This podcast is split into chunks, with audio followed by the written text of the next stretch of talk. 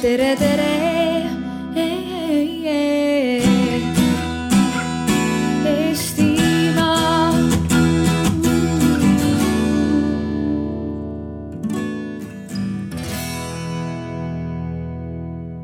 Need, kes siin all on, need teavad, et kohe me hakkame rääkima küsimusele vastuseid otsima teadusest tööstusesse, mida vajab ettevõtja. ma tutvustaks tööstureid ja teadlasi minust paremal Eerik Puura, Tartu Ülikooli arendusprorektor tere, tere. ja ülejäänud härrad on minust vasakul. Mait Müntel on hetkel teel siia, see on see tühi tool, siis on Jüri Nuust jah, tervist. ja Kaupo Reede, Majandus-Kommunikatsiooniministeeriumi majandusarengu osakonna juhataja. tervist ja kuna mina istun päikese käes, siis ma võin öelda, et Estonian first. nojah, sinu risk seal päikse käes olla, vaata, et üle ei kuumene. teadusest tööstusesse, mida vajab ettevõtja, mulle väga meeldib, et moodsal ajal ei ole mappi vaja, võtad telefoni ja piisab ühest küsimusest, et poolteist tundi huvitavat arvamust avaldada. natukene uurisin selle kohta, mis mujal on tehtud. mulle jääb mulje, et teadusest tööstusesse ei ole meil siin Eestis mureks, vaid see on veidi laiemalt praegu arutusel, et kuidas küll saaks kõiki neid patente, mis ülikoolides on, kuidas neid siis viia niimoodi ellu, et neist mõni välja ka tuleks ja müüdavaks muutuks. ja mulle tundub, et mida suurem ettevõte, seda rohkem on tal neid patente, mida ta veel müünud ei ole. ja mida väiksem riik, seda rohkem on ülikoolis patente, mida ükski ettevõte ei julge ette võtta. palju, Eerik, Tartu Ülikoolis on patente, millele juba täna võiksid keegi soovija käe sirutada ja hakata neid tööstuses juurutama no täiesti õige jah, et nii ongi, et neid on mingi kolmkümmend, nelikümmend, viiskümmend Tartus ja Tallinnas, aga ettevõte ei vaja patente, ettevõte vajab toodet, ta tahab mingisuguse auto valmis teha näiteks aga see võimalik patent moodustab sellest vajadusest võib-olla ühe kümnendiku, ühe sajandiku ja selles ongi nagu põhiküsimus. Aga mõõta teadusest a- tööstusesse minekut, mõõdaks siis selle patentide tooteks arendamise järgi või mille järgi seda üldse mõõta, mis see mõõdetav kvaliteet oleks? oota, mida sa mõõta tahad ma tegelikult? tahaks mõõta seda, kas teadusest jõuab midagi tööstusesse või mitte. no teadusest jõuab siis, kui eelkõige ettevõte ise oskab selle teaduse niimoodi tööle panna ja, ja ka riik seda niimoodi toetab, et äh, teadlased hakkavad täpselt niiviisi tegutsema, nagu ettevõttel vaja on. nii lihtne see ongi riigil on mingid mõõdikud, kui palju teadusest tööstusesse jõuab, on mingi noh, kui ma võin öelda, et teadlasi mõõdetakse avaldatud artiklite järgi, siis Ja, jah. kuidas Ei- riik mõõdab? ja ega selles mõttes konkreetsemalt äh, selle järgi praegu mõõdetaksegi äh, ja kui hea teadus meil on. et sellist äh, tõesti baasfinantseerimise juures on nüüd seda muudeti natuke, sinna pandi juurde see, et kui palju on äh, äh, ülikoolil äh, ettevõttega lepinguid, ettevõtluslepinguid, et siis selle alusel ka nii-öelda saab ülikool nagu suuremat baasrahastust, aga noh, see on algus, ma ütleksin, aga kui me nüüd küsime selle, et vot sa küsisid ju nõnda, et, et, et kuidas siis nagu teadusest ettevõtlusesse jõuab ja, ja, ja esitame enda ju sealjuures nagu järgmise küsimuse, et aga miks siis nii palju ei jõua, kui võiks jõuda, et, et noh, minu hinnangul on see puhtalt selline koolkonna küsimus sellepärast needsamad ettevõtjad tihtipeale, kes selles valdkonnas ette võtavad, need on ju s- nende samade teadusasutuste kasvandikud. ja, ja kui äh, äh, teadusasutuses ei ole kultuuri koostööks ettevõtetega, siis ei teki ka sellel kasvandikul tulevikus sellist mõtet, et miks ma peaks minema sinna tagasi ja küsima midagi. ettevõtjalt küsiks ka, ma muidugi kommenteerin, et mm, mis see, mis see tore number oleks, kui palju peaks jõudma, kas meil on mingid mõõtkavad ees, et see, kui me siin räägime teadusest tööstusesse üks aastas, üks sajandis. Ja Kaupole jah, mis sina arvad? no ma arvan, et äh, võib-olla mina jällegi, ma räägin nagu praktiku, rohkem ka praktiku seisukoha pealt, et äh, et minu jaoks oleks loomulikult äh, parem see, kui, kui me ütleks nõnda, et meil on olemas väga hea baasteadus, aga suurem osa teadusest oleks rakendusteadus. noh see, see oleks nagu suhte küsimus. Eerik, sinu arust, kui palju peaks siis jõudma, mis, mis meil võiksid nii-öelda unistuste numbrid olla? ma natukene viin selle vihmavarju kõrgemale ja, ja kui ma nüüd äh, tulen selle juurde, et ülikool on ka õppeasutus. et ma kasutaksin siin sõna võib-olla ülikool on eelkõige õppeasutus ja ülikool peab olema noh, see, kes siis annab kvaliteetset haridust ja needsamad meie lõpetajad võiksid minna noh tööle muuhulgas ettevõtetesse. siis minu arvates esimene küsimus, millele Eesti riigis ja ülikoolis praegu peaks nagu tähelepanu pöörama hoopis oleks see, et mida ülikoolis õpetada sellist, et neil äh, lõpetajatel kaugemas tulevikus ka midagi asjalikku teha oleks ettevõtetes ja mujal et see on minu jaoks nagu esmane küsimus. teine küsimus on see, kuidas needsamad ähm, äh, tudengid, nad äh,, kes lõpetavad, kuidas nad saavad tööd ja, ja käituvad tööjõuturul, need, kes on praegu. ja kas nad on piisavalt äh, saanud näiteks ettevõtluskoostööd ja praktikat ja kõike seda ja teavad sellest ja, ja kolmas küsimus loomulikult on see, kuidas siis needsamad teadlased, kes ka õpetavad, sest teadlane ja õppejõud on tegelikult sama amet, siis kuidas, kui palju nad suudaksid äh, ettevõtetega noh nagu koostööd teha aga hetkel on tõesti niimoodi, et kui me vaatame seda baasfinantseerimises, mis Kaupo ütles, ettevõtluslepingute mahtu näiteks, siis ülikoolides ka TTÜ-s ja Tartu Ülikoolis kuskil seitsekümmend kuni kaheksakümmend protsenti sellest mahust, mida te mõõdate, selle teevad ülikoolis kuskil kümme teadlast. ja siis on küsimus, mida need, mida need kaks tuhat ülejäänud teadlast teevad nii et noh, kui, kui arvud on sellised, siis me näeme, et midagi on nagu põhimõtteliselt äh, on vaja nagu ümber mõelda. ja ümber mõelda ongi vaja see, mille eest nagu teadlast rahastatakse ja, ja kui ta ei saa selle ettevõtluskoostöö eest oma karjääris isegi mitte noh, ühesõnaga tagasi valimist oma positsioonile, siis millest me räägime, sorry.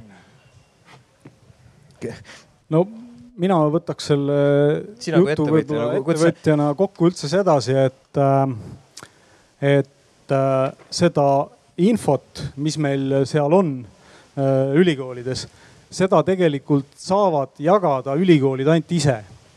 et meie ettevõtjana ei suuda iialgi palgata omale äh, töötajat, kes hakkab siis mööda neid ülikoole neid patente otsima nagu neid otsima siis talle nii-öelda sobivaid asju. kas siin, siin, siin olijatest keegi teab, mis asi on adapter? Tõstke käsi, kes teab. Äh, see on keskkond, kas me räägime keskkonna, adapterkeskkonnast? ei ole ühtegi kätt, ühesõnaga. viis kätt oli ju, sorry. Need olid, need olid, adapter on ka seinapistik on ju, ma räägin keskkond kui adapter. keskkond kui adapter et internetikeskkond enam ei ole viite kätt, on kaks kätt.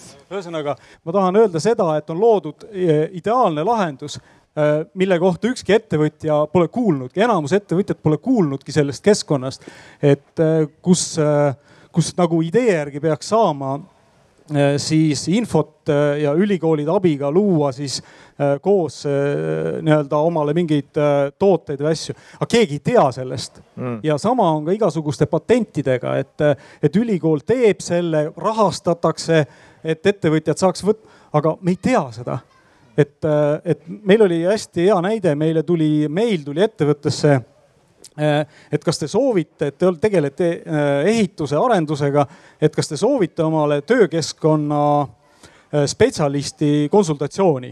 me ütlesime jaa, sest me ei jõua sellega ise tegeleda, selle töökeskkonnaga.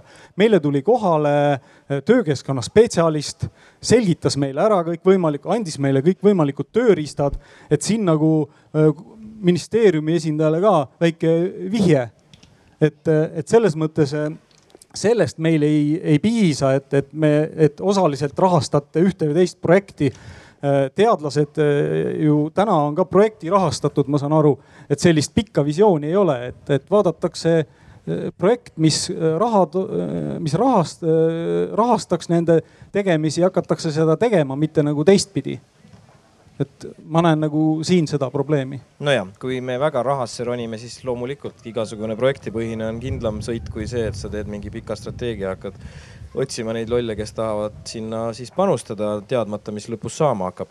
ma küsiks teistpidi ettevõtjana, sa, mis sa näed, kas sa ajad oma asja ise, pusid omaette ja kui sa kuskile midagi küsima lähed, siis öeldakse, meil on see kõik siin olemas, kus sa enne olid, nagu sa just näite tõid, et keegi ei teagi adapterist. no pigem on see, et äh, et meil füüsiliselt lihtsalt ei ole aega palgata omale inimest, kes hakkaks nii-öelda neid projekte otsima, kirjutama, noh, et sellis-, selleks peab olema suur ettevõte, suur ettevõte, kellel on eraldi inimene palgatud selleks, on ju, kes siis käib siis mööda neid ülikooli, vaatab, milline ülikool võiks pakkuda sellist lahendust, nagu me tahame, siis ta järgmisena hakkab otsima neid projekte, milliseid projekte saab kirjutada, millistest, palju neid rahastuse erinevaid on, neid on kümneid kolmkümmend, nelikümmend erinevat äh, süsteemi, millega rahastatakse ettevõtjaid on ju. noh, me ei hakka neid siin mhm. üles tooma sul ei ole iialgi võimalus neid kõiki läbi töötada, sest sa teed tegelikult iga päev oma tööd hoopis. aga võib-olla asi tõukubki siis suurusesse, et teatud äh, teatud kriitilisest massist alates on ettevõttel üldse võimekus teaduskomponenti arendada oma investeeringutega ja teatud äh, suurusest alates on riigil üldse võimalik mingeid meetmeid luua. me räägime. innovatsioon jõuaks, eks ole, patendilauast kaugemale. just, aga me räägime ju seda, et meie riiki tegelikult peaks ju toetama nagu just nimelt väikeettevõtted mitte suurettevõtted, sest noh, väikeettevõtted ikkagi annavad palju kindlama pinnase. üks suurettevõte kaob ära, kaob meil ära siin Elcotec või keegi noh, meil on kohe, tekib tohutu hulk töötuid.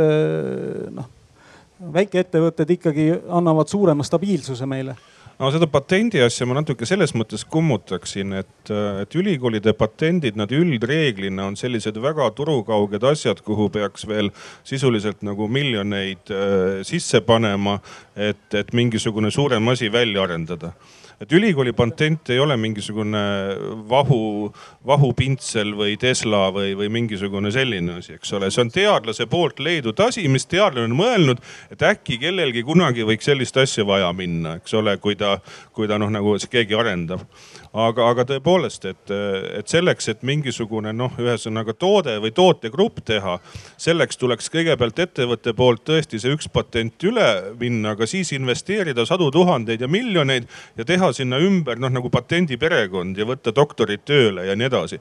et see nagu noh, nagu see, see mehhanism näiteks, kuidas Mart Ustav on oma firma üles ehitanud ja geniaalselt, et aga noh, tema on ka niivõrd lähedal ülikoolile, tõesti teab seda infot nii et kui tõepoolest on selliseid ettevõtjaid, kellel on noh, nagu nii, nii palju raha, et nad eh, tahaksid investeerida sadu tuhandeid eh, ülikooli noh, nii-öelda patentide edasiarendamisele, siis, siis kui sellised noh, nagu noh, nagu oleks olemas, siis me väga hea meelega teeksime ükskõik mida, et nad, nad, nad saaksid edasi tegutseda. ja olen, võib, ma jätkan selles mõttes, et jah, igati nõus, et siin on nagu järjest olnud mitu, mitu teemapüstitust, et kõigepealt see, et tõesti, et kas siis äh, riik äh, või siis ülikoolid peaks siis tulema kuidagi ettevõtjale ise lähemale või abisse selleks, et neid nii-öelda võimalusi leida, otsida äh,. jah, see on teema, mille peale tõesti võib-olla peaks nagu rohkem mõtlema nii ülikoolis kui riigis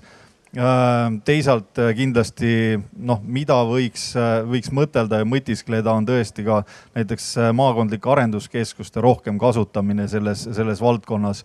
Aga nüüd see, mis puudutab nüüd see, mida Erik just rääkis, et, et kui leidub mõni ettevõtja, eks ju, kellel on sadu tuhandeid või, või kasvõi sada tuhat või, või kuskile sinnakanti, eks ju, sellepärast et on ka ju see üldiselt teada, et, et, et teadlastel on ka see, et, et hea projekt, see hakkabki kuskilt sealt saja tuhandest, et see kõik, mis allapoole on, see ei ole nagu enam hea projekt, et aga teisest küljest ütleks nõnda, et, et kui me vaatame jällegi puhtalt statistikale peale, siis äh, teada on seda, et äh, Eesti ettevõtted investeerivad aastas kuskil sada seitsekümmend miljonit eurot teadus-arendustegevusse.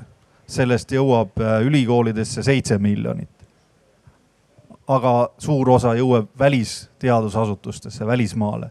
eks ju, siin on see küsimus jälle, et aga miks siis minnakse välismaale? riik on numbrite taha vaadanud, et kuhu tegelikult läheb siis, millele see seal kulub, see, mis. väga erinev, seinast seina. võib-olla ei ole pädevust kõikides asjades. ega me oleme ju rääkinud, et ega me ülikoolid ei saa olla kõikides asjades äh, pädevad. täiesti nõus, aga samas, kui sa vaatad meie ettevõtluse struktuuri, siis see on, on äh, puidutööstus, metallitööstus toidutööstus. mina väidan, et tegelikult kõigis nendes kolmes valdkonnas on Eestis ikka päris hea teadusbaas ka olemas. just äh, teadusbaas, baasteadusbaas on hea ma eile, eelmine nädal just kohtusin ühe äh, maja seinapaneelide tootjaga ja nad ütlesid, nad käisid Eestis ülikoolid läbi ja lõpuks pidid minema Soome ülikooli sellepärast et äh, seal selle sertifikaadi saamine maksis täpselt poole vähem. ja siin ongi vastus nojah, aga väike riik ongi kallis, ütleks selle peale. aga ettevõtja peab oma raha lugema. aga ongi niimoodi, isegi ülikooli teadlased äh, selle asemel, et näiteks tellida analüüsi äh, näiteks mõnest Eesti laborist, noh näiteks mingisugust uuringute keskusest, mis on selleks loodud, et neid analüüse teha, tellivad Kanadast sellepärast, et seal on odavam nii et noh, suurel riigil on ja suurel süsteemil on siin vaieldamatult eelised, sellega me peame, peame leppima. aga mis meid edasi aitab ikkagi on selline hästi palju selliseid originaalseid ärksaid ideid ja nende kiire testimine siin Eesti keskkonnas ja arendamine. et see, see nagu on ainukene asi, mis, mis on meie nagu suur konkurentsieelis, ma arvan. ma teeks aga, aga mina, vahe ma..., korra teen vahekokkuvõtet, mis, mis, mis siit välja joonistub esimese umbes seitsme minuti jooksul, meil tuleb ikka see tüüpiline asi, Eesti värk, et me küll kõik teeme ja on isegi isegi meetmed ja on isegi need, need platvormid, kust kaudu saada teada, aga kuidagi jälle keegi teada ei saa, ehk siis mingi väga suur auk on kommunikatsiooni koha peal paistab. infot saab anda see, kellel info on. just ja see, kellel on, ütleb, et aga seal adapteri keskkonnas on kõik üleval, vaadake ise. umbes aga, nii joonistab välja. aga sel-, mina komistasin. mingi jutt jääb siis lõpuni rääkimata. mina sinna keskkonda täiesti kogemata komistasin et äh, aga nii palju, kui ma olen oma tuttavatega rääkinud, keegi ei tea sellest midagi. järelikult olen mina oma ajakirjaniku tööd halvasti teinud, siis võtan süü omaks, et me tõesti ei jõua kõiki neid veebilehti kontrollida. jah, mina ise käisin adapteriga korra Rahvusringhäälingus seda nagu reklaamimas, aga sealt edasi on juba niiviisi, et, et kui on juba toimiv asi, siis me seda, sellest me ei räägi, sellepärast et see pole enam uus ja teiseks ta ei ole ka nii väga populaarteaduslik, et igaüks aru saaks, et siin ta on väga spetsiifiline. nüüd, kui me kommunikatsioonisektorist nüüd korra välja ronime, räägime asjast edasi, et, et spin-off'id üheksakümnendate lõpus suur sõna, Tartus levis see kulutulena ja iga teadlane püüdis endale firma teha. Ustaval tuli välja, eks ole. jaa palju neid seal oli, sest ma tean, et üheksakümnendate suurtest on kaks tükki elus, aga palju tookord spin-off'e oli? Üheksakümne üheksandal aastal, kui see käivitati kakskümmend aastat tagasi, siis ülikoolis valiti välja kümme projekti. Äh, no need kõik ei olnudki spin-off'id, aga, aga nendest noh, nagu päris mitu said, äh, said tuule tiibadesse, nii et ma väidaksin, et äh, see see, kui läheb juba ettevõtte loomiseks, et siis keskmine või tugevam firma, see on mingi kaks, kolmkümmend protsenti nendest võiksid isegi olla sellised mm. -hmm. aga need spin-off'id olid sellised, kus see teaduskomponent on selles väärtuspakkumises nii-öelda oluline tükk, et nad suvalisesse muuse, muude kohta ei saanud seda firmat teha Äh, kindlasti, aga kurioosum on veel selles, et, et oli veel selline aeg, kus äh, spin-off'e tegid sellised teadlased, kellel endil on ka sees selline ettevõtlusgeen ja kahjuks selliseid inimesi on ainult mingi kolm kuni neli inimest tuhande teadlase kohta. ja vot siin ongi see tõesti see, mis, mis nagu mina näen, et et neid, neid sümbioose, kus tekiks nagu ettevõtja ja mingisuguse teadlase vahel usaldus. juhul kui sellel ettevõtjal ei ole teadlase geeni ja teadlasel ei ole ettevõtlusgeeni, neid sümbioose miskipärast tekib õudselt vähe et igal ettevõtjal võiks olla selline noh, nii-öelda kodustatud teadlane, kellele ta helistab kasvõi öösel, teadlane võtab vastu ja, ja, ja ütleb ja aitab ja kui me suudame niiviisi. aga siis on ka muidugi küsimus, siis on küsimus selles, et Eestis minu teada on registreeritud noh, kui FIE-d juurde ka arvestada vist kas mingi kakssada tuhat ettevõtet vist või aga, aga kui me võtame isegi iga, iga teadlase kohta või teadusgrupi kohta nagu, nagu kolm tugevat ettevõtluskontakti, siis me saame ainult mingisuguse arvu no mingisugune, no ma ei tea, kolm või, või viis tuhat võiks olla selliseid ettevõtteid, ka väikeettevõtteid, mis siis tõesti on, on teadusega niimoodi seotud. et arvestame sellega, et ega seda Eesti teadust ausalt öeldes väga palju ei ole üldse. ja suur osa sellest on noh, noh näiteks, eh, mis on ühel tublil ehitusettevõtjal kasu näiteks mägra või kähriku uurijast, noh nagu väga palju ei ole, eks ole. nii et kui me lahutame kõik need maha, siis me näeme, et, et noh, nagu neid, neid, neid selliseid asjalikke teadlasi, kes võiksid Eestis midagi teha, on, on, on suhteliselt napilt. ja siis loomulikult siis ongi õige, et tuleb otsida mujalt maailmast, see on absoluutselt õige vastus. Aga see on omaette küsimus, kui palju meil võiks olla asjalikke teadlasi, noh, et kuidas nende arvu suurendada ma jäin mõtlema sõna spin-off päritolu üle, see vist oli nii, et vähemalt üks loeng, kus mina käisin, kus Steve Wozniak rääkis, et vanasti olid spin-off'id, nüüd on startup'id. Neil olid spin-off'id seitsmekümnendatel suurtes tolleks hetkeks välja kujunenud tehnoloogiaettevõtetes, kus insenerid olid oma garaažis midagi pusinud, aga neil ei olnud seda ärigeeni. ja siis nad läksid, näitasid oma juhatusele, et sihuke toode, mis te arvate, siis juhatus ütles davai, teeme siis firmasisese spin-off'i, aitame teil teie tootes kõiki äritükke teha, te tehke sellest see tehnoloogia komponent valmis. kas see ülikoolide üheksakümnendate lõpu mudel on siis sarnane asi, lihtsalt on spin-off ja startup on kaks ise asja tegelikult No või no nad, nad kattuvad, nad kattuvad mõistetena pisut, aga, aga startup on mingi suvaline aktiivsus, eks ole, et ma tahan hakata tegema lootsikuid, ma õõnestan puud, ongi startup valmis või kusagil turu peal seemneid müüma.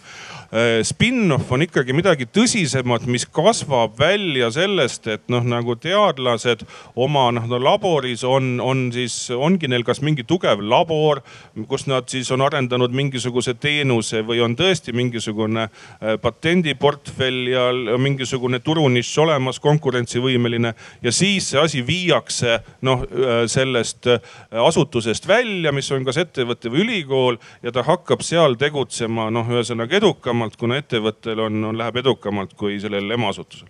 nii, meil on vahepeal üks spin-offer ka liitunud siin. Müntel. tere, tere, tere., vabandust, et hiljaks jäin no,. ma küsin sult väga tehniliselt siis, maailma suurim väikeste osakeste põrguti CERN, sa olid seal tööl. selle sees ju oli hunnikute viisi erinevaid tehnoloogilisi avastusi ja mida kõike. kas neist mõned on kommertsialiseeritud ka? Nendest kommertsialiseeritakse kogu aeg väga palju asju. too näiteid. noh, näiteks World Wide Web, mida me tänapäeval tunneme internetina, see on sealt pärit.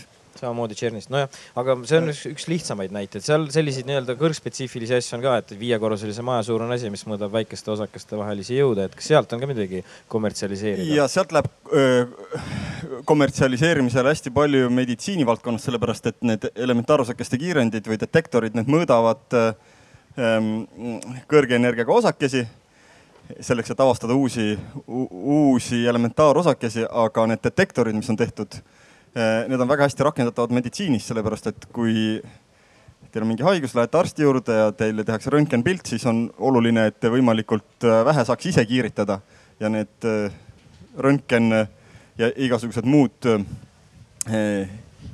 detektor ja kiirendi tehnoloogiad, need jõuavad väga palju meile.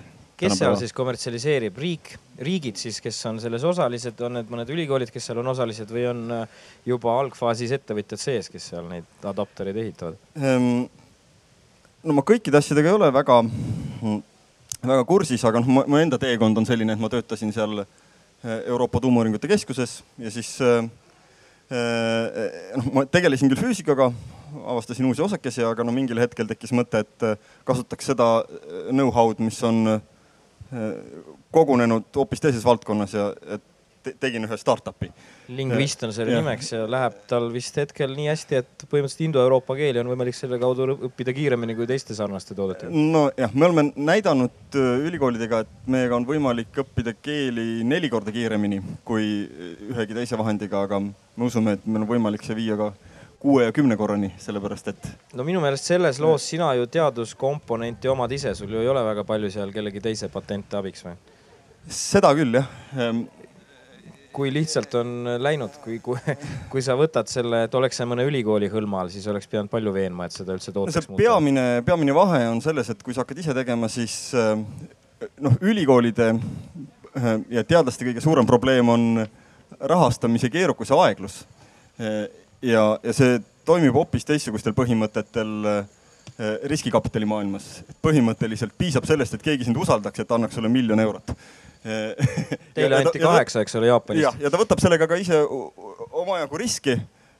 aga see on selline otsus, mis käib väga kiiresti ja kaheksa miljoni euro saamine teadusele, see võtab aastaid, aastaid, aastaid ja paljud teadlased väsivad sellega ära küsime Kaupolt, miks riik nii aeglane on, kas sellepärast, et tahaks ainult õigeid otsuseid teha ametnikud või? no ikka, muidu ju meedia lintšib ära. jah, rahva raha jälle visati ja, kuhugi tulle, eks ole. ei no päriselt ka, et ega, ega see nali naljaks, aga ega seal on oma nagu tõe komponent ka sees, et, et julgusotsustust võiks olla riigis rohkem. ja, ja noh viimane suurem, eks ju, situatsioon lõppes sellega, et kus otsustati, et ei tohigi uurida. uurida? tselluloositehast loomulikult mm, -hmm. öeldi ära, ei tohi uurida. no mulle meenub sõnaga teadus-arendustegevus, kuna see eestikeelne tõlge research and development'ist seda ju on, eks. Äh, vist juba kaks tuhat neli, kaks tuhat kolm valitsused tollased kirjutasid strateegiasse, et paneme majanduse siis teadmistepõhiseks rohkem ja hakkame teadus-arendustegevust tegema. õues on kaks tuhat kaheksateist, tollased jutud on ära ka tehtud või me ikkagi istume samas kohas ja lihtsalt räägime? Üldse minul on niimoodi, et ma olen siin Tehnoloogia Instituudi loomisest saadik, äh, mis ma, me koos Mart Usteviga kaks tuhat kolm käivitasime, no mis on küll väga edukas ettevõtluskoostöös, ta teeb äh, näiteks ettevõtluskoostöö maht Tartu Ülikooli Tehnoloogia Instituudil on, on sama suur kui ülejäänud Tartu Ülikoolil või, või Tehnikaülikoolil kokku, eks ole. nii et noh, nagu, nagu selles mõttes äh, see programm on edukas, aga kui ma nüüd sellise üldise jutu mõttes, mis me praegu siin räägime, et kuidas teadlased ja ettevõtted võiksid teha koostööd, panen äh, ühesõnaga et, ette oma slaidid aastast kaks tuhat neli või praegu, siis vahet ei ole sest probleemid on jäänud samaks, aga, aga see paneb hoopis mõtlema, et äkki on probleem kusagil mujal nii et, äh, nii et noh, see on, see on, see on hämmastav, aga kogu selle neljateist aastaga äh, me, me ei ole suutnud terves riigis neid probleeme umbes, et kuidas teha kommunikatsiooni, kuidas üksteist paremini tundma õppida, me, meil ei suutnud neid lahendada. ja siis mul on, ongi hakanud tunduma, et probleem on hoopis kusagil mujal ja me ei ole isegi, isegi ei oska sellest õigest probleemist tegelikult rääkida. aga võib-olla see nii-öelda ongi niisugune suur struktuurne muudatusküsimus. et äh, kui praegu on nii-öelda mm, teadus- ja haridusministeerium see, kes siis nii-öelda sedasama mõõtmist korraldab ülikoolide puhul ja, ja, ja hindab siis nende tugevust ja, ja, ja nii-öelda pädevust, siis äh, võib-olla teeme siis hoopis majandus- ja teadusministeerium. et äh, see, kus noh majandus. praegu on teadus, eks ole, haridusministeeriumi all kõige naljakam ongi see, et Eestis on vist hetkel veel on kaks erinevat innovatsioonistrateegiat. üks on innovatsiooni ettevõtlusstrateegia, üks on teadus- ja innovatsioonistrateegia. ja üht, ühe eest vastutab otsekui üks ministeerium ja teise eest vastutab otsekui teine ministeerium. ja minu teada ka innovatsiooni mõisted on, tähendab selles mõttes erinevad. ja teadlase jaoks innovatsioon on noh nagu millegi leiutamine, ettevõtte jaoks innovatsioon on võimalus kirjutada välja suurem arve. ja niikaua kui nagu sellest erinevusest nagu aru ei saada ja neid ei ühtlustata, siis nagu noh, ma arvan, et ja. ei ole ka siin, ei tulegi lahendust. jah, ma selles mõttes igati nõus sinuga ja, ja praegu me ju olemegi liikunud sinnapoole, et järgmises nii-öelda uues strateegia perioodis olekski üks strateegia, oleks üks majandus- ja teadusarengu strateegia üks innovatsioonistrateegia. kuna praegu on kaks strateegiat, siis otsekui me peamegi erinevalt tegutsema. kui juba kaks on, siis Eestis ikka läheb konkurentsiks ka, ma arvan. jah, aga siin peab, siin peab alati arvestama sellega, et, et Eesti, mina väidan, see on nüüd minu väide, eks ju, mis ei pruugi alati vastata ju kuldsele tõele, aga, aga mina väidan seda, et Eestis on äh, üks kõige mõjuvõimsamaid lobigruppe on teadlaste grupp ja, ja, ja see tuleb ka Eesti kultuurist, sellepärast et kui teadlane ütleb, siis Eesti inimene usub. kui ametlik ütleb, siis ta on ju valetaja, varras ja esitab kellegi huve ja et ähm, mina tean, ühe lobigrupi esindaja sai just ministriks ja minu teada ta küll noh, nagu väga-väga nagu teadlane ei ole, nii et noh, selles mõttes ma osaliselt olen nõus.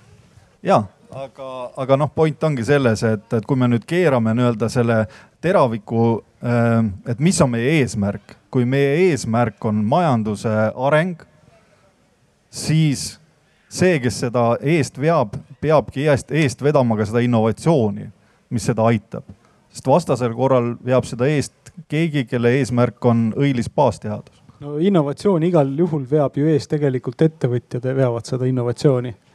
et kui me võtame innovatsiooni laias maailmas, et eh, no elektriautod, eh, raketid lendavad, siis seal ei vea seda innovatsiooni ei eh, ministeeriumid, ei vea seda teadlased, veab üks ettevõtja, üks selline fanaatik ettevõtja, kes tahab midagi ära teha, tema veab seda, teised on, toetavad ainult seda. jah, see oli jällegi niisugune ebaõnnestunud kommunikatsioon, loomulikult ettevõtjad teevad innovatsiooni lõpuks aga küsimus on see, et ma mõt-, minu nagu mõte või miks ma nagu selle lauale, lauale panin, on see, et millise keskkonna loob riik selle tegemiseks. sellega olen täiesti nõus ja, ja tulen tagasi selle eelmise äh, märkuse juurde, et äh, informatsiooni jagamine on üks suur võtmesõna nagu selle asja juures.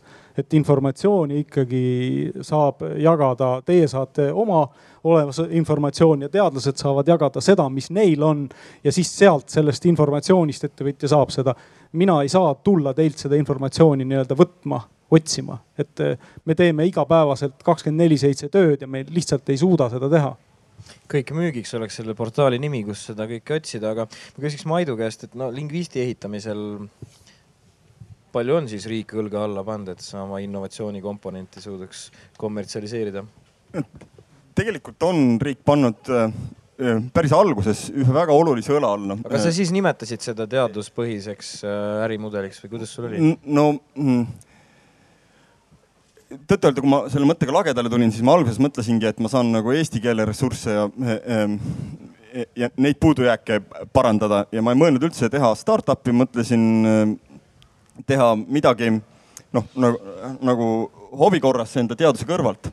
ja ma rääkisin Jaak Aaviksooga ja Jaak Aaviksoo tollase ministrina toetas meid noh, küll väikese rahaga, aga tegelikult see raha oli väga-väga oluline, et, et tekitada usaldust või kindlust.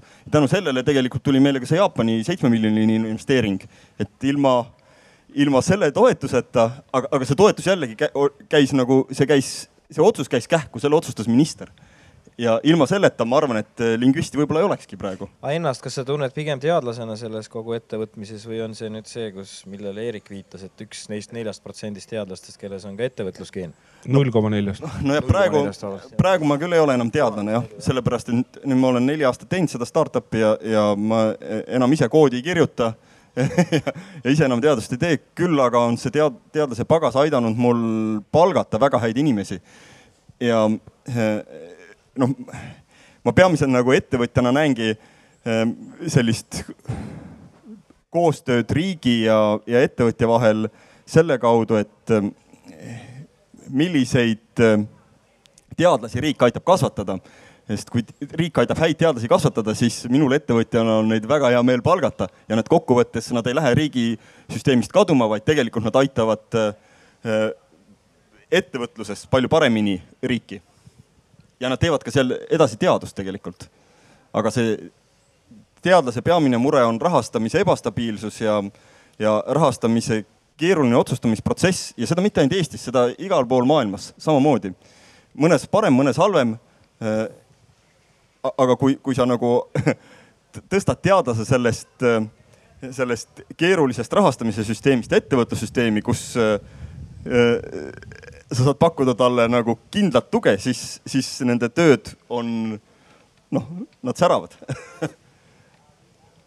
Kaupo käest tahaks küll riigi visiooni nüüd küsida, et millist teadust meie riik vajab, mis sa näed, selles mõttes, et ega kõike ei jaksa ülal pidada, põlevkiviteadus on olnud suhteliselt hästi ka eksporditav. nii komponent, kuidas seda teha, kui ka kuidas seda ehitada. aga see on üks ainsaid, mis on mhm. võib-olla viimasest sajandist näide, mida on Eestist väljaspoole või õnnestunud viia no mul oleks sellele väga sihuke lühike, lihtne vastus, et minu arvates Eesti vajab sellist teadust, mida vajab Eesti ettevõtlus. absoluutselt nõus on meil seda, mulle meenub, üks Raivo Vare ütles just ka võib-olla ka kahe tuhandendate keskelt, et Eesti majandus on selline vana aurik, aga me oleme suutnud talle väga teravat kütust anda viimasel ajal ja sõidab tänu sellele kaugele. meil on õues kaks tuhat kaheksateist, vahepeal on ilusaid uusi majandusmudeleid ka juurde tulnud, aga need on kõik sellised IT päritolu, kus ei ole nii kõvasti teadus-arendustegevust sees, vaid on rohkem äh, kergesti teostatav lahendus, kus on ainult inimeste ajumahtu ja arvutit vaja?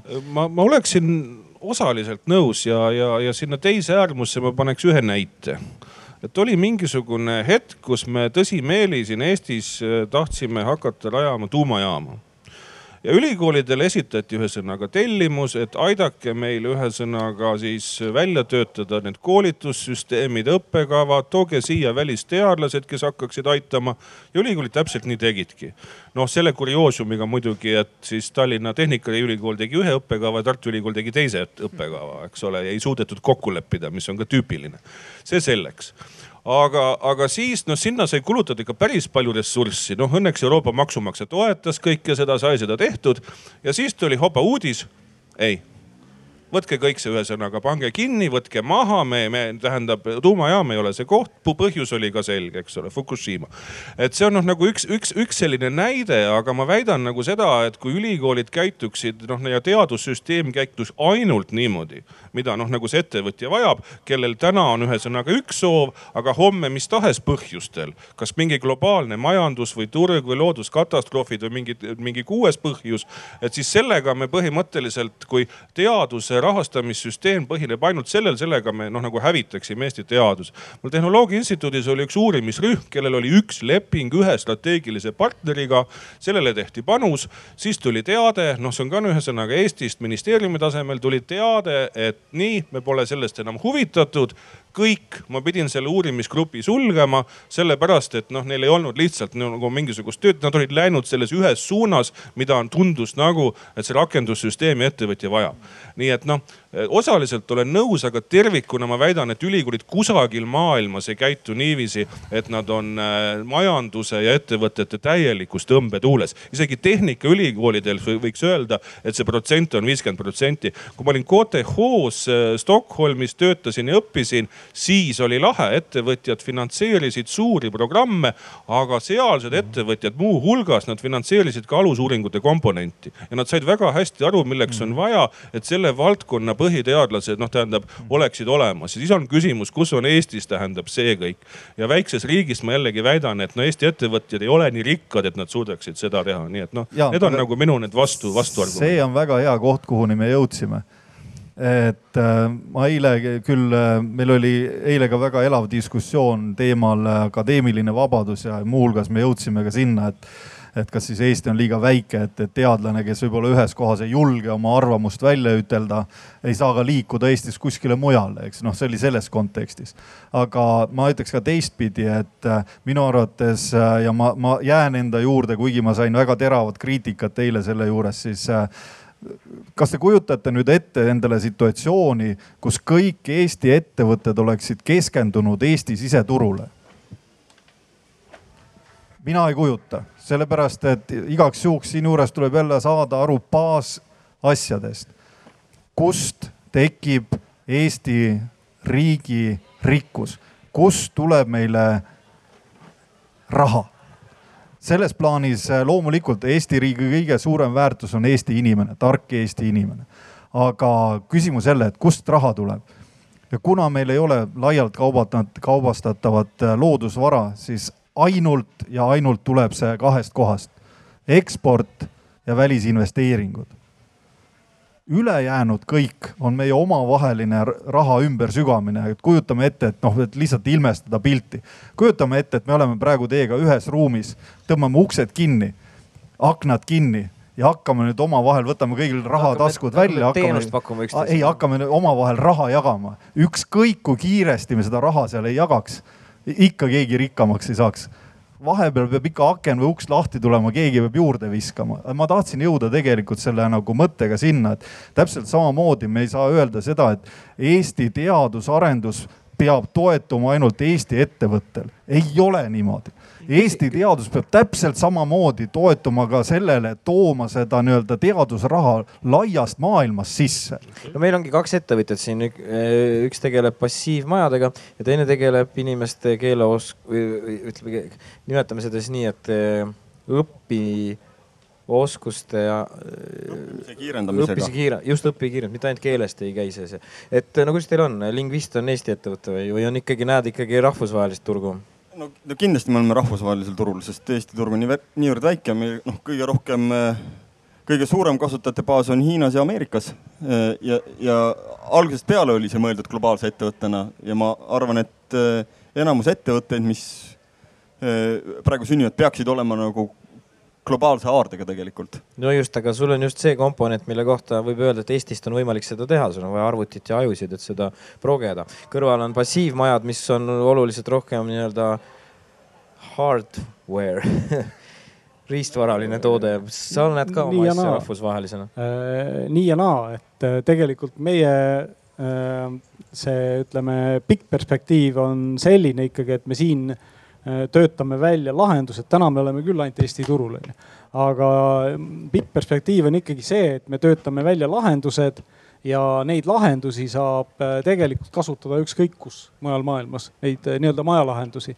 nii et selles mõttes me ei pruugi siit saata Brasiiliasse või Indiasse või Hiinasse mitte maju vaid saadame siit projektid, joonised, juhendid ja võib-olla heal juhul ühe inseneri, kes juhendab seal kohalikke mehi, et nad selle maja kokku paneksid ja anname neile ette, millised materjalid, kuidas nad selle seal teevad ära meie lahendusega, nii et et see ei ole päris hardware, et, et küll. ja sammud sinna jõudmiseks hakkavad ju siin kohalikust hardware'ist pihta ikkagi. ja absoluutselt, siin tuleb kohapeal need asjad kõik läbi teha ja et selles mõttes kindlasti okei okay,, no miks ma nii küsisin, mulle tuli lihtsalt sellega seoses ähm, mõte, et noh, selgelt on, ongi see nagu nägemine, et kuidas me siis enda asjaajamisi siin Eestis näeme. ülikool on ka rahvusvaheline asutus, tegelikult ta ei ole ju ainult Eesti, Eesti vajadusi rahuldav akadeemiline teadus pluss siis kõik tööjõud, mis meil Eestis vaja on. ja, ja ma väidan seda, et teadlane on ju ka rahvusvaheline amet või noh, nagu selles mõttes, et noh, kas, kasvõi see, et ma, mina siin praegu Eestis olen, see on nagu puhas juhus sellepärast et äh, mu elus oli periood, kus oli noh, nagu mitmeid pakkumisi, ma oleksin hoopis ühes teises riigis. kui selles riigis poleks nagu naiskandidaati eelistatud meeskandidaatidele vastavalt äh, noh, sellisele sisekorrale, eks ole. nii et, äh, nii et teadlane on rahvusvaheline amet ja selles mõttes tõesti noh, kui me, viga on rääkida sellest, et Eesti teadlane peab teenindama Eesti ettevõtet, see on, see on noh, nagu see see, see ei ole päris niimoodi, täpselt samamoodi ettevõttel peab olema võimalus uurida või tähendab tugineda teaduskompetentsile ükskõik kust maailmast. probleem on selles, et seda nagu hetkel Eesti riigis ei, ei, ei nagu toetata toetatakse ainult kodumaist? Äh, toetatakse tõesti suured finantseerimisskeemid, näiteks äh, rakendusuuringute kohta on sellised, kus Eesti ettevõte peab tellima Eesti teadus-arendusasutustelt. ja see seab kindlasti piirangud nii et, äh, nii et niimoodi on. ma toon näite, üks mu sõber, IT-ettevõtja, tema poole pöördus üks üliõpilane, kes tegeleb nanotehnoloogiatega ja mis tal vaja oli, tal oli vaja lihtsalt natukene raha selleks, et see Euroopa tasemel patent võtta mu sõber ütles, okei okay,, ma annan sulle selle raha, teeme, siis nad tegid, siis nad käisid kuskil EAS-is, näitasid oma asja, sealt anti neile mingisugune toetus juurde, mille peale nad siis tegid ka nagu toetuse järel niisuguseid igast aruandluse laadseid liigutusi. Ja sõber ütles mulle, et noh, ega me ei tea, mis me selle nanotehnoloogiaga peale hakkame, aga kui tasuta raha antakse, tuleb võtta jah, ja siin muideks on veel üks tööstusharu, mida, millest meil üldse ei räägita, need on patenditrollid. Need on tegelikult sellised ettevõtted, kes äh, ostavad üles ühesõnaga patente selleks, et kaevata vara, tähendab neid arendavaid äh, väikeettevõtteid kohtusse nii et õnneks äh, Eestis neid eriti ei ole, aga me isegi oleme kokku puutunud, kus, kus meil, meil tahetakse, äh, pigem on välja uurinud, mis patendid meil on ja püüdnud neid omistada mitte nagu Eesti ettevõtjad, vaid välismaised trollid, kes tahavad meie poolt loodud takistada siis äh, ettevõtluse arenguks, nii et noh, et noh, see, kes, see, kes tahab äri teha, see, see uurib nii-öelda kõik välja tegelikult võtame korraks ideaalolukorra, et riigil on hästi sügavad taskud ja ettevõtjad on hästi valmis kõike seda juurutama, mis ülikoolidest tuleb ja toote moodi lõhnab. Mm, mis, mis, mis me võiks teha siis, mis oleks need instrumendid, on kuskilt õppida ka, ma olen kuulnud, et Uppsalas on mingid meetodid ja mõned kohad olid veel laias ilmas, aga neid kohti ei ole just palju. Väidan vastupidist, meil on Eestis endalgi need kohad olemas juba praegu ja juba kümme aastat toiminud et keegi ei tea, ütleb ettevõtja kommentaaris. ei, ma lihtsalt jälle räägin siis asjast, et, et mitte ma ei räägi nagu umbkaudselt mingist asjast, et, et need on tehnoloogia arenduskeskused, jah, kõik nendest ei ole veel rakendanud ja kõik ei rakendunud sellisena, nagu see esialgselt nagu mõeldud olid, aga nende hulgas on kohti, kus on väga selgelt Eesti tippteadus tulnud kokku maailmateadusega, samas see panustab ka Eesti enda ettevõtetesse.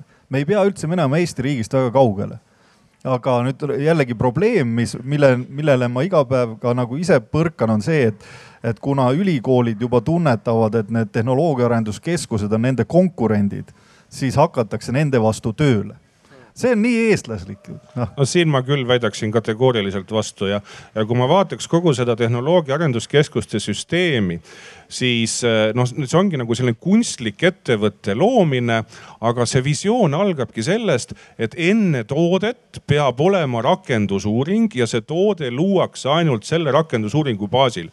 see on väga kitsas innovatsiooni nägemine sellepärast et kui ma tahan luua tegelikult, et, et kõik ei, ei, ei alga toodete loomine sellest, et ma kirjutan mingi rakendusuuringu ja siis ma võib-olla saan mingisuguse toote kunagi. niimoodi me ei jõua kunagi normaalse ettevõtluseni. ettevõtlus peab olema see, mis lahendab mingisugust probleemi, mis on vajalik kas ühiskonnale või siis, või siis selle ettevõtte klientidele ja, ja, ja ma ütlen, et sellist probleemipüstitust ei ole tehnoloogia arenduskeskustel mitte kunagi olnud.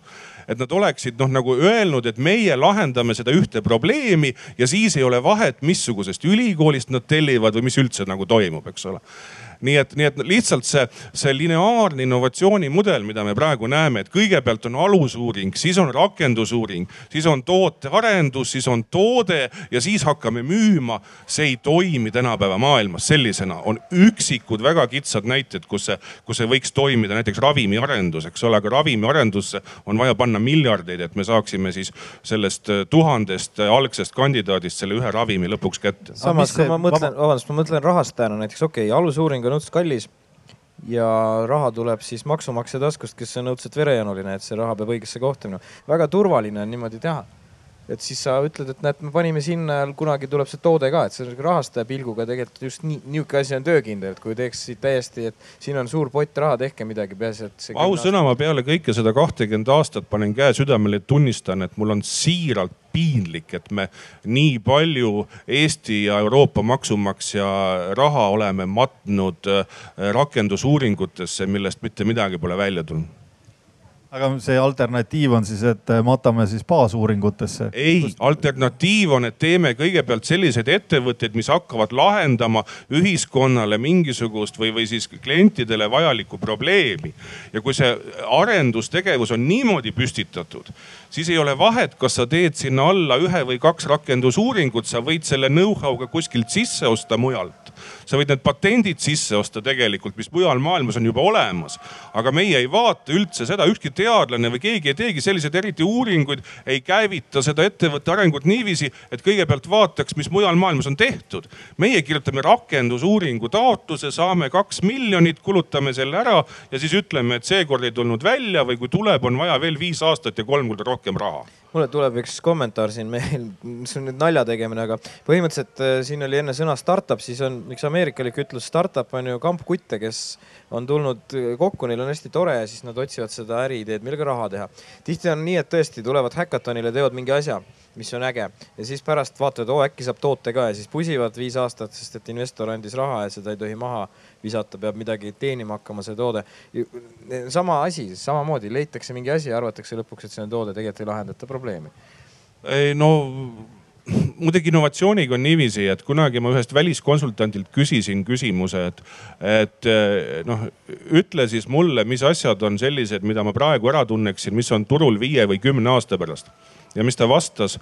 ta vastas niimoodi, et kui ma teaksin, siis ma mingil juhul sulle seda ei ütleks aga, aga innovatsioon ongi selline huvitav asi, kui sa tegelikult ei tea, pärast on kõik nii lihtne, et kuidas niimoodi läks. aga tegelikult alguses ära tunda seda, et see just ongi see, see, see, seda on sisuliselt nagu võimatu et ta ei ole nagu päris loterii, siin tegelikult kõik sõltub vist ka sellest, et kui palju töötunde sa oled nõus ettevõtjana sinna sisse panema.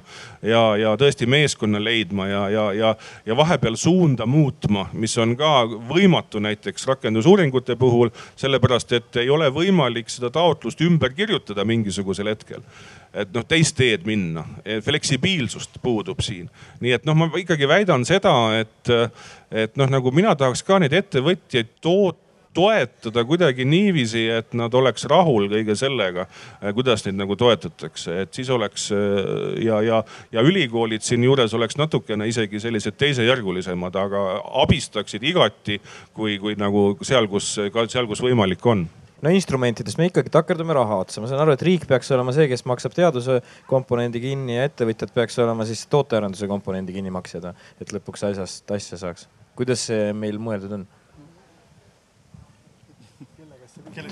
Kaupo käest küsisin, kui ma riigi käest vastust tahaks, aga mis sa ettevõtjana näeks, kuidas oleks?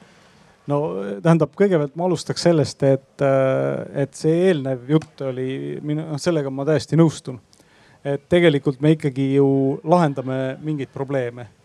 ja noh, me nagu oma nii-öelda selle majatootmise kõrval oleme eh, ühe probleemi nii-öelda töö käigus leidnud, me oleme, meil on plaan noh olnud hakata seda lahendama ja me tegelikult oleme kinni jooksnud seal, sellepärast et noh, meil see nõuaks teadus-arendustegevust.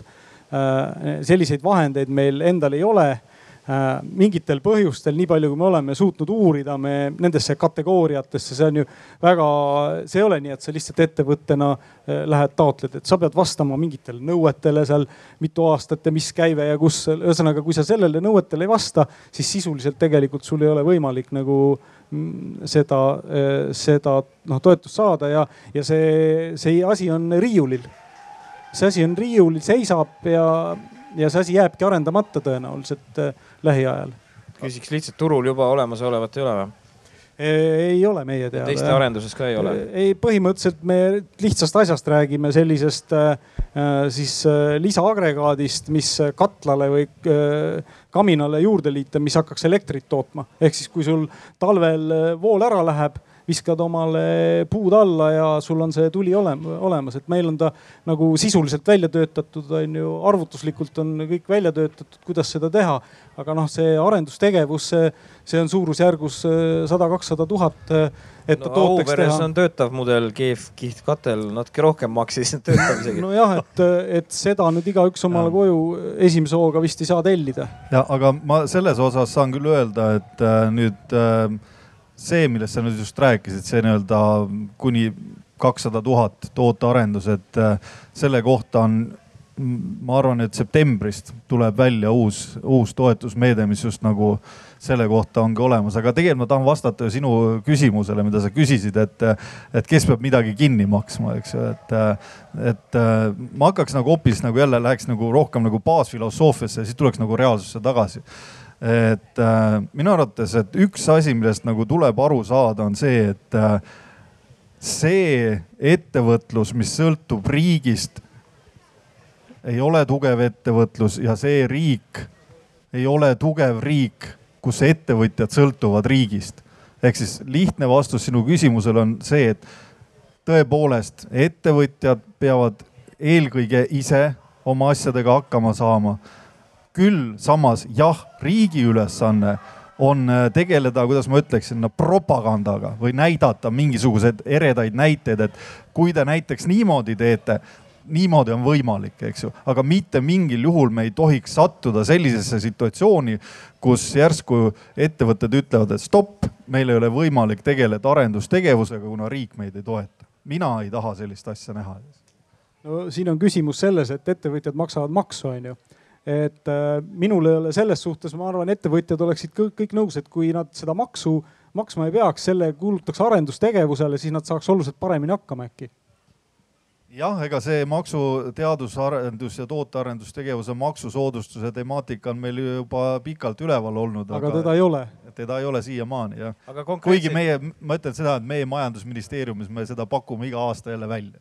teadusest tööstusesse tulles pealkirja juurde nüüd e no mina ei tea, mulle jäi mulje, et rootslastel on mingi meede, kus äh, esimeses faasis siiski, kus tuleb mingist äh, teadusarendusest nagu tootelõhna, nad aitavad teadlastel viia selle sellisesse faasi, kus see muutub siis investori jaoks investeeritavaks.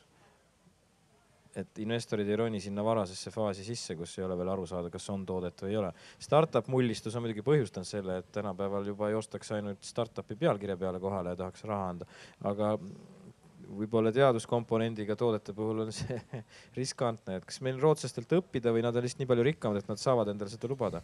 samas on jälle niimoodi, et, et äh, tegelikult äh, meil on olemas ka praegu, küll see ei ole nagu nii-öelda grandi või, või, või otsetoetusena, aga meil on olemas äh, omakapitali investeerimisfondid ehk siis fondifondid, kes siis tegutsevad just selles samas no, nii-öelda surmaoru situatsioonis, et kus nad on valmis äh, investeerima ettevõtte omakapitali. nüüd on küsimus minu jaoks on pigem ka selles, et kas Eesti ettevõtted on valmis võõrkapitali vastu võtma. siin on jälle üks koht, kus tuleb eh, jällegi nagu vaadata teinekord peeglisse ja ütelda, et okei okay,, et mul on nagu häid mude, mudeleid ja mõtteid küll, aga ma ei julge võtta võõrkapitali sisse, ma ei tea, kuidas see mõjub minu ettevõttele. kellelt te olete küsinud? milliselt ettevõtet te olete küsinud, et kas see kas te soovite selles mõttes, et ma toon sellesama näite juba, kuidas meile tööohutuse spetsialist tuli. et, et ma nendest grantidest ei tea midagi. kas sina tead? no ma olen natukene vaadanud, aga üldiselt äh, nende riigipoolsete ettevõtlusabi grantide puhul minu arust kehtib, äh, ükskõik, kas need on Eesti grandid või need on Euroopa Liidu grandid, kehtib üks äh, ütelus, mis üks, üks ärimees ütles, et, et see on mürgitatud raha. Ära võta seda. Ja, ja, ja nii palju, kui ma olen seda näinud, see on tõesti mürgine. Mille, milles on probleem, on see ju, et, et, et me peame rääkima ka siin Euroopa Liidu konkurentsiseadusest ja, ja teistest seadustest, mis keelavad äh, finantseerimist ettevõtetele, eriti kui tegemist on väga turulähedase projektiga üle teatud protsendi näiteks mingitele suurettevõtetele, kui nad tahavad tootearendust teha, saabki anda projektist vaid kakskümmend viis protsenti toetust kuskil. ja kui nüüd võtta seda, kui palju energiat läheb selle projekti kirjutamiseks, selle raha saamiseks, selle läbiviimiseks, siis tegelikult on see suhteliselt mõttetu, ühesõnaga noh, nagu, nagu tegevus, selle, selle taotlemine nii et, nii et noh, aga, aga, aga see lähtubki sellest, et no nagu ettevõtluses peab olema vaba konkurents ja siia ei saa nagu, kui, kui kõikjal Euroopas loputatakse siia sisse puhtalt maksumaksja raha, siis tekiks täielik kaos ju me oleme ka nii korralikud, et meil tekiks ka siin tohutu, ütleme, järelevalve ülereguleeritus ka, sest et kõike seda, mis mujalt on tulnud, tuleb ka tublisti aru anda, kuhu see kulus ja seda me oskame hästi. riigi, riigisektori ja, ja ütleme, riskikapitalisektori vahe on see, et et äh, riskikapitali ärimehed, no ega need ka ei loobi niisama raha, et tegelikult startup'ide rahastamine on äh, suhteliselt kindla struktuuri järgi, et esimesed viiskümmend tuhat on FFF, Fools, äh, Friends and Family on ju. järgmine on inglite raha, mis on umbes kümme korda suurem, pool miljonit. aga need, selle raha panevad inimesed enda isiklikust taskust, on neil valik, kas nad ostavad uue auto või kümne peale toetavad ühte startup'i. ja sealt järgmine etapp on juba professionaalsed riskikapitalid, kes, kes panevad viis miljonit, aga nad, nemad enam ei jaga enda raha ja, ja, ja siis see e, protseduur on märksa reglementeeritum, mis näitajad sul peavad olema. E, aga sellele vaatamata e, enamus nende investeeringutest läheb aia taha ja üks selline normaalne riskikapitalifond arvestab niimoodi, et ta on, investeerib kümnesse startup'i, üks toob raha tagasi, terve fondi raha tagasi ja, ja see on nende, nende enda risk, millest nad on teadlikud. aga kui nüüd riik abistab äh, ettevõtteid, aitab kümmet ettevõtet, üheksa lähevad kummuli, siis, siis sellest on tohutult palju meediakära, et näed, toetas valesid asju. aga tegelikult sul ei ole võimalik õiget asja toetada, ilma et sa toetaks ka valesid asju. sa lihtsalt ei tea, millised neist osutuvad õigeks. no siin oleks neil ilmselt äh, mingi koostöövõimalus, et äh, iseenesest kui et see raha tuleb nii-öelda juurde siis, kui riskikapital on sinna raha pannud, on ju. et riik tuleb sel juhul juurde, sellisel juhul on nagu see otsustus laiapõhjalisem. aga need asjad ongi juba olemas. jah, see on, see on juba olemas. KredExi juures on need fondi fondid, kes täpselt ja. selle põhimõttel ja. toimivad, et kes on nii-öelda erafondid kes oma, investeerivad oma raha ja kui erafond investeerib oma raha, siis riik annab võimenduse juurde. Mm.. aga tõepoolest see, mis sa ütlesid õigesti ja sa oled täna mitu korda seda korranud, eks on see kommunikatsioon, kommunikatsioon, kommunikatsioon. ja, ja veel kord, et, et siin on ka see, et, et ja nagu me teame, siis meedia vana, vana asja, mis, mis nii-öelda on vana see, kui ta ükskord on, eks ju, ERR-ist läbi käinud, siis rohkem seda ei räägita. Mm. Ma just tahtsin teadlaste käest ka küsida niipidi, et okei okay,, samamoodi kulub ju teadusuuringuteks raha ja mõnikord uuring annab vastuseks, et hüpotees ei olnud õige. mis tunne siis on, kas tuleb tagasi maksta? see on väga hea tulemus, kui sa saad tõestada, et hüpotees oli vale. lisaks ei ole palju tagasimakseid, aga ma ei usu, ma ei usuks, et sellest ükski rahvas maailmas õnnelikumaks muutuks aga noh, minu enda kurbus on see, et meil on ka mitmeid asju, mis on nagu välja tulnud ja näiteks sellest samast Tehnoloogia Instituudist, seal kõrvas Keemia Instituudist. noh, võtame nagu, nagu Fitsme, eks ole, noh kuulus rõivarobot, kõik ühesõnaga teavad. nüüd äh, siis tehti kontor Londonisse, hetkel on jaapanlaste Rakuten selle täielikult üles ostnud ja enam Eestis sisuliselt arendustegevust äh, ei, ei toimu edasi, võtame siis äh, sellise ettevõtte nagu Self-Diagnostics, samuti kõigepealt Eestis väga suurelt toetatud rakendusuuringutega, rakendusuuringud õnnestusid, läks ühesõnaga tooteni. tootmine ühesõnaga viiakse nüüd äh, Saksamaale põhimõtteliselt. võtame siis, äh, siis kõrvalt Keemia Instituudi hästi ammu alustatud asi, Tartu Tehnoloogiate Skeleton. täpselt samamoodi Eestis välja arendatud ühesõnaga asi põhimõtteliselt ja lõppkokkuvõttes tootmine, tootmine, tootmine läheb ühesõnaga nagu Saksamaale.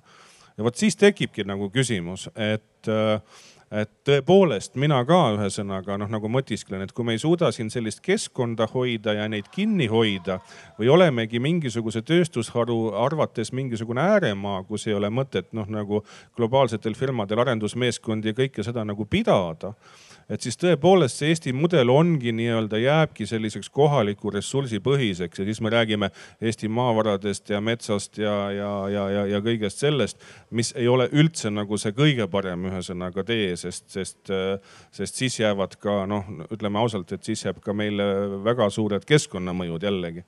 Nii et ja siis mina olen jõudnud selleni, et ikkagi, kui meil neid stardiideid oleks nagu mega palju et siis küll on ka selliseid asju, mis siia nagu jäävad ja, ja, ja sellist asja, kus me sellest ka algfaasist saame endale suhteliselt palju tulu ja oleme selle üle rõõmsad ja, ja inimesed saavad äh, rikkaks ja nii edasi. et, et kui selliseid asju oleks nagu väga palju, et siis see oleks ka kindlasti kindel mingisugune selline asi, mis meie, meie arengule nagu kaasa aitaks, et äh, aga, aga ma noh, süda, süda tilgub nagu tõesti selline, kui me loome igasugu inkubaatoreid, finantseerime sinna ja muidugi mujal ka kaevatakse kaevatakse, et Tallinnas öeldakse, et lähevad ära Helsingis, Helsingis kaevatakse, lähevad ära Londonisse, Londonis kaevatakse, et lähevad ära Ameerikasse, noh ja siis ongi see Silicon Valley või midagi on siis selle, selle globaalse jõe suue, kus siis kogu see noh, nii-öelda rikkus äh, vastu võetakse ja siis tuleb keegi ja ütleb, et kuulge, teeme siin Eestis Silicon Valley mudeli, noh ühesõnaga, et hakkab tööle. no ei hakka, sorry sattusin ise sügisel Silicon Valley'sse just selle küsimusega, et huvitav, miks kõik siia jõuavad lõpuks, mitte lõpuks, alguseks tegelikult. Nad, äh, eelfaasid on kõik need, kus meil ollakse ja Londonis, et Siliconi nad satuvad siis, kui sealsed riskiinvestorid ütlevad, kuulge, teil on asi piisavalt valmis, et seda suureks teha ja meil on ainult üks tingimus, tehke oma kontor meie külje all, siis me saame iga päev nõu andmas käia. mis siis üle jääb, kui sul on laual valik, et ameeriklased annavad kakssada viiskümmend miljonit sul skaleerimiseks ja Euroopa pealt sa kokku viiskümmend saad, no lähedki sinna. et see, see on just see, et seal on need kiired otsustajad koos, kes teavad, et praegu tuleb suureks ajada ja sõidame. meil ei ole see otsustamise kiirus kombeks ilmselt. selle vastu ei ole midagi teha, et kehtib loodusseadus, mis on kus on, sinna tuleb. jah, just täpselt, kus on, sinna tuleb, et kapital aitab juurde tekitada kapitali ja see põhjus, miks äh, investorid äh, Silicon Valley's investeerivad ainult Silicon Valley ettevõtetesse, on see, et nad tunnevad ühte õigussüsteemi.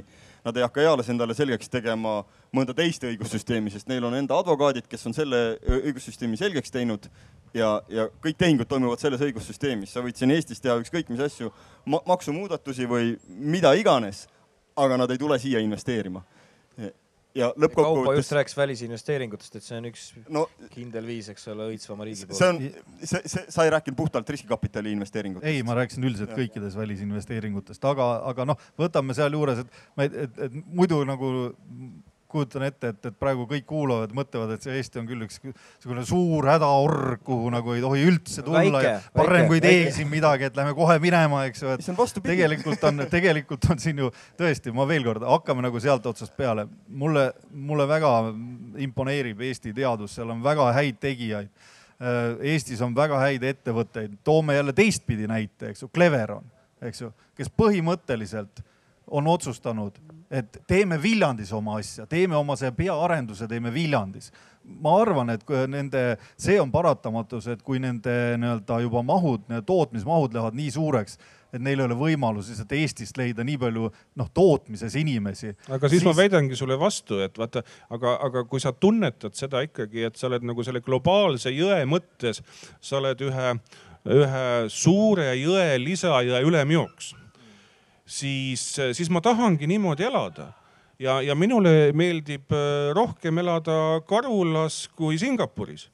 ja sellepärast ma olengi siin aga selleks on vaja ka meie puhast looduskeskkonda säilitada, kui ma nüüd tulen äh, küüniliselt natukene tagasi sinu noh, nagu nende küsimuste juurde, et kas me, kas me peaksime äh, uurima, kui palju me lisaks võiksime sedasama keskkonda taastada.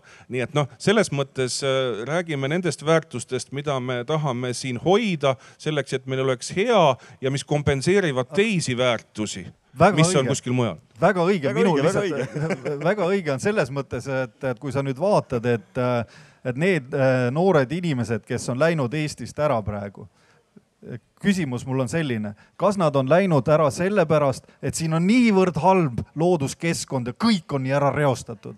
Või lähevad nad sellepärast, et kuskil makstakse rohkem või on kuskil rohkem võimalust ennast teostada, see on küsimus et selle peale peab mõtlema. mina väidan ka, et mina olen siin ainult juhuslikult ja, ja, ja üks põhjus, miks ma siin tegelikult olen, ongi seesama nii-öelda see keskkond, eks ole et minu jaoks ikkagi see, see noh, nagu see, see võimalus Eestis tähendab sellises keskkonnas elada, see on niivõrd nauditav.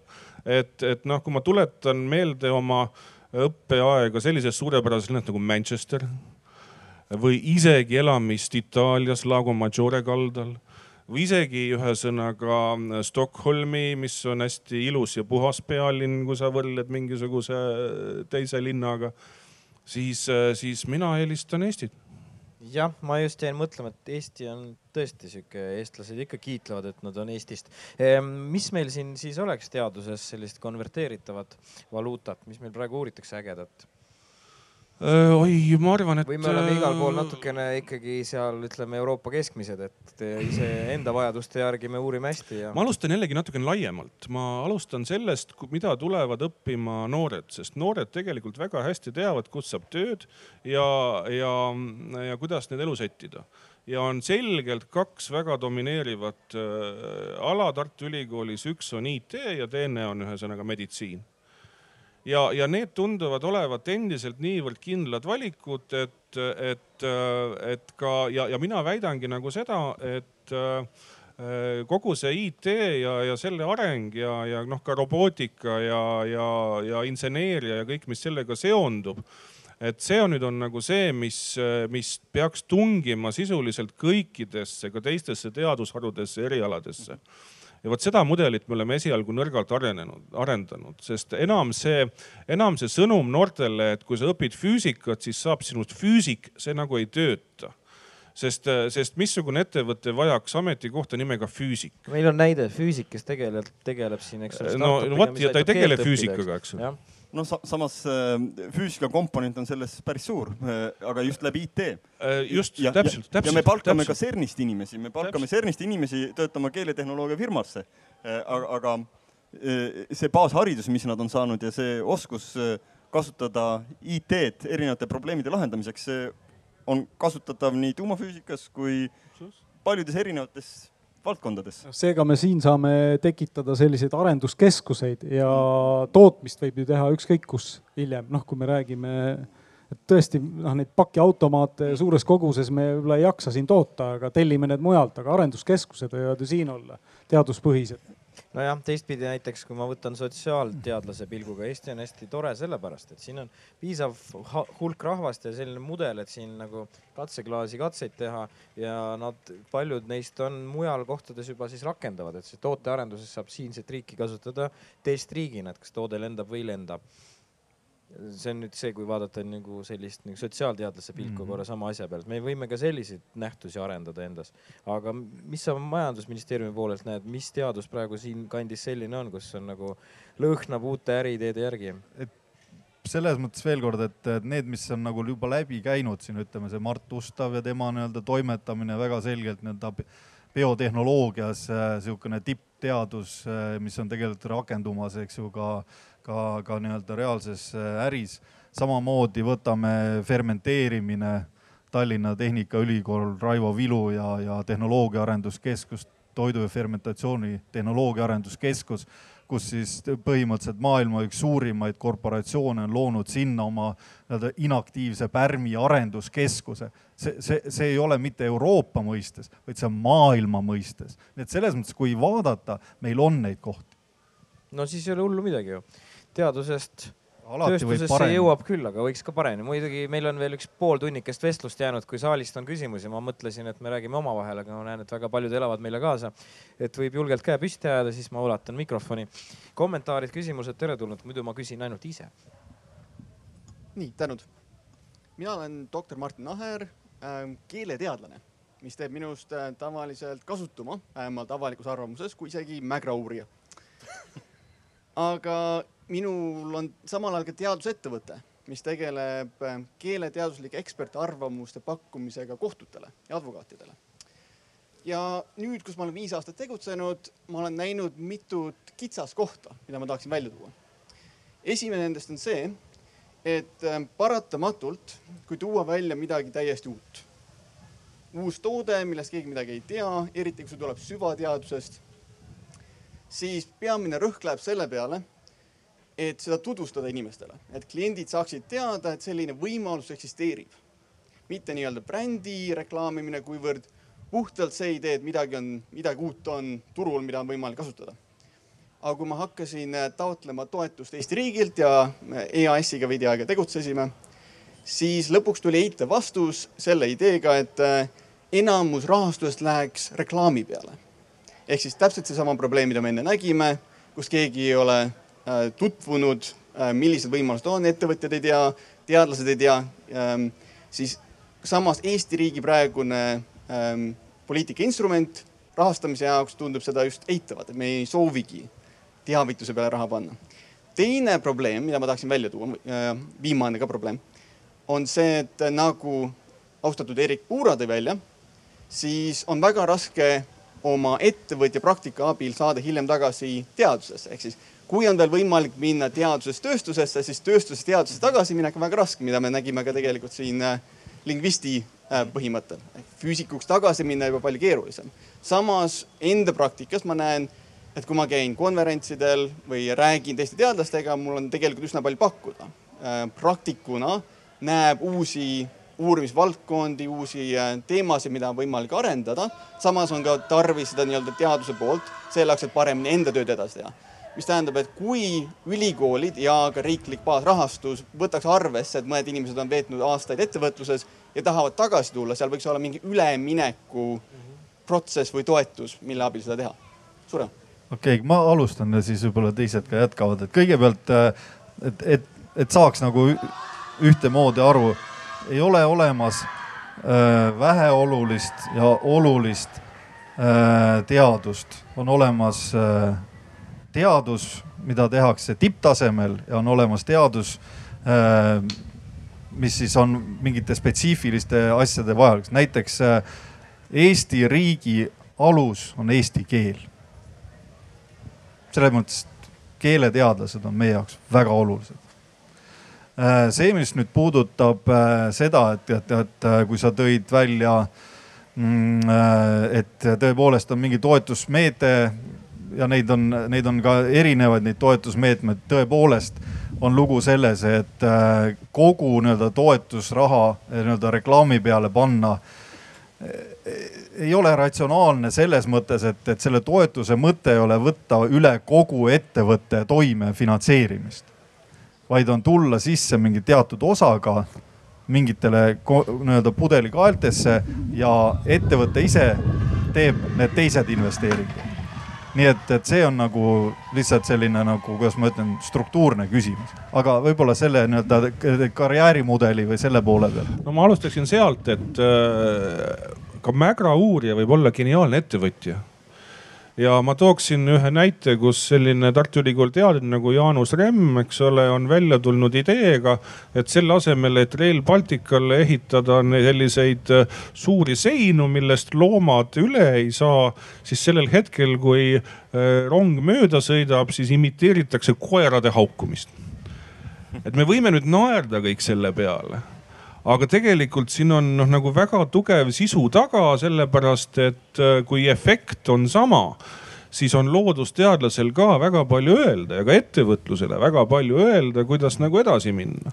aga pigem see näide on niimoodi, et kui nüüd ettevõtja tuleb ülikooli ja siis ülikool tutvustab noh näiteks äh, teadlast, kes toob välja oma senise teadustöö, mis seisneb mägra, noh ma nüüd ei tea seda terminit, mingi fülogeneesi uurimises koos mingisuguste asjadega, siis see ettevõtja ei oska mitte midagi sellest nagu välja lugeda, noh selles mõttes. ehk siis tõlk, tõlk on vahelt puudu jah? Äh, just äh, no isegi seal ei ole võib-olla midagi tõlkida senise teadustöö suhtes, eks ole, sellepärast et see on puhtalt alusteaduslik ja, ja põhine, aga, aga võib-olla keegi loeb ka midagi välja. Ja, ja, ja nüüd rääkides sellest, siis just praegu tegelikult me karjäärimudelis sellega mõtleme, et oleks võimalus minna nii-öelda aastaks ja kaheks tegema oma ettevõtet ja siis tulla tagasi nii-öelda nagu, nagu ülikooli, kui ei tulnud välja või noh, nagu selline soov on tagasi tulla tegeleme sellega. Mm. ma, ma ei saa, ma, ma pean selle nagu ära rääkima lihtsalt, kuna sa puudutasid seda loomade ülekäiku ja seda, eks ju. see, see ei puuduta üldse tänast diskussiooni, võib-olla aga lihtsalt siia sõites äh, on meil seal Kose kandis on see ökodukte, eks ju. kakskümmend, kakskümmend meetrit ennem öko, ennem ökodukti oli ühest nugisest üle sõidetud, et. nugis ei tunne liiklusmärke, saalist on küsimus mul on olnud au töötada programmeerijana maailma, maailma kõige suuremas või noh, kõige vanemas IT-ettevõttes IBM. Nordic Laboratories, peaaegu KTH lähedal, niimoodi jah. ja meil oli siis niimoodi, et iga aasta oli kohustuslik kahe-kolmepäevane NEC Nordic Education Center Leadingul, eks ju, teada koht. kus me siis programmeerijatena pidime osalema müügikursusel. meie olime müüjad ja müüjad olid programmeerijad, ütleme niimoodi, tootearendajad see oli kõikidele iga, iga aasta kohustuslik ükskord seal kaasas olla. nii et kui Puura ütles, et ta ei tea, mida kakskümmend aastat tagasi kirjutada, mida ülikoolis võiks õpetada, kohustuslik kursus õppida müügitööd ja, ja ettevõtlust kõikidele teadlastele. võib-olla viis punkti saaks selle eest ja see on kohustuslik ja muidu ei saa diplomit kätte üldse, sest et sa ei oska siis ju oma asju müüa, kui sa ei tee seda läbi.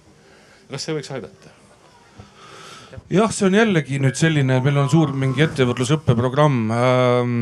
hetkel Tartu Ülikoolis äh, kõik dekaanid ei ole päris nõus sellega, et ettevõtlusõppes võiks olla kohustuslikke elemente et me töötame selle kallal, aga, aga, aga see ei ole ka nii lihtne ausalt öeldes, et äh, aga vabatahtlikud võimalused on kõik tegelikult loodud, aga, aga noh, kohustuslikus korras, eks ole, siis praegu noh, me elame veel mingites kujundites, mulle ka öeldakse vastu, et viimane kord, kui midagi sellist oli kohustuslik, oli NLKP ajalugu, et kuidas, kuidas nüüd nagu, nagu teha äh, muuhulgas filosoofiateaduskonnas ja, ja mujal ühesõnaga selgeks, et sa pead noh võtma, võtma nii-öelda nagu müügikursuse, et äh, aga ma saan aru jah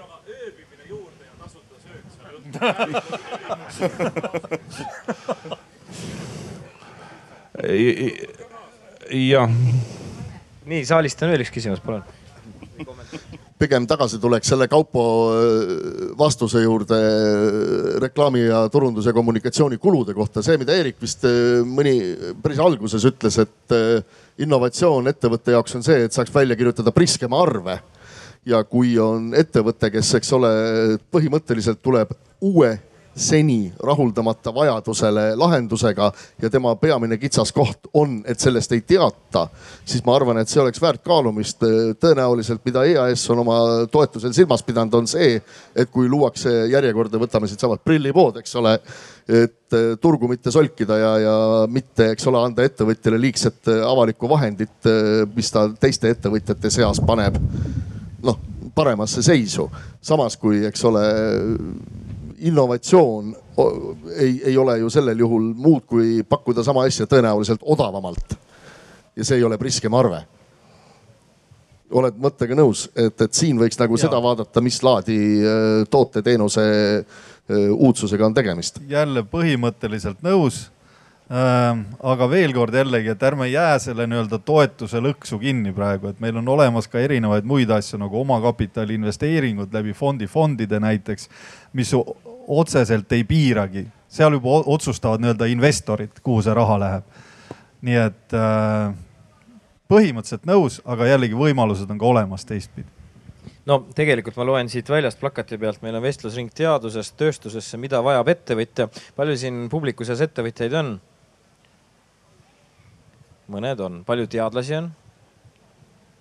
teadlasi on ka mõned, ülejäänud siis on riigiametnikud. Nonii, eh, mõned resümeed siinkohas, võib-olla kuskil kahe tuhandendate, üheksakümnendate lõpus räägiti Eestis väga palju seda, et kui sa ei tegele poliitikaga, siis tegeleb poliitika sinuga.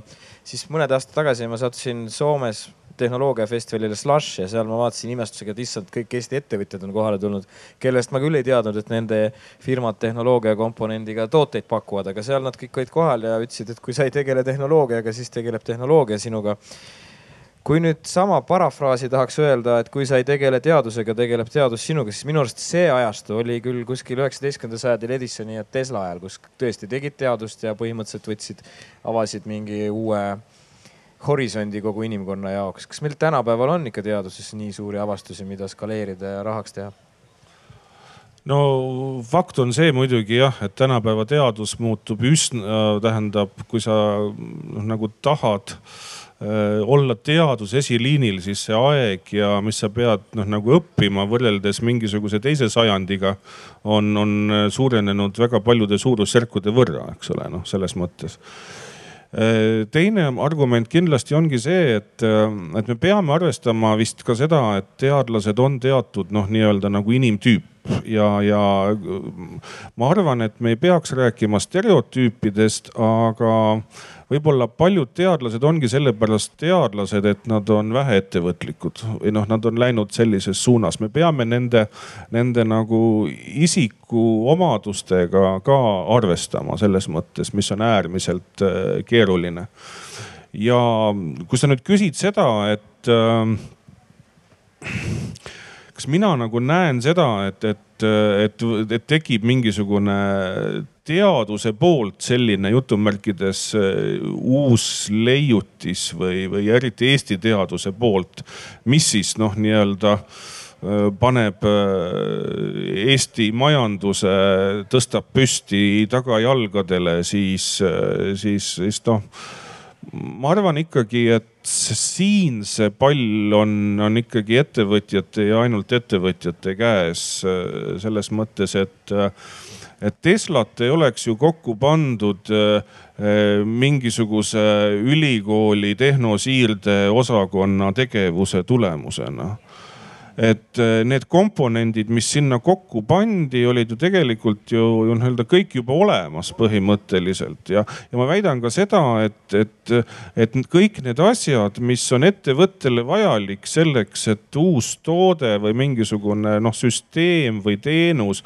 võis valmis teha. Need on tegelikult minu arvates juba nii-öelda nagu olemas ja neid tuleb täiendavalt nagu arendada põhimõtteliselt, eks ole. nii et, nii et see, see võtab veel kord kokku selle jutu nagu noh, nagu keegi ootaks, et kuskil riiulil on mingisugune patent, mis päästab nagu Eesti, Eesti majanduse. ei, ei ole nii. ma lihtsalt kiireks kommentaariks, et minu arust oli eile väga hea, et äh, minu mäletamist mööda oli härra Virkus, kes ütles seda, et, et mis on teadus ja mis on teaduse kasutamine. Et teadus on see, kui me saame teada midagi uut, mitte see, kui me kasutame teadussaavutusi. teistpidi on nagu, siis, siis on teistpidi. aga ma tuleks veel kord et... selle, selle juurde tagasi, sorry, et ma veel kord kordaks selle üle, et me kõik saaksime aru ülikoolide rollist.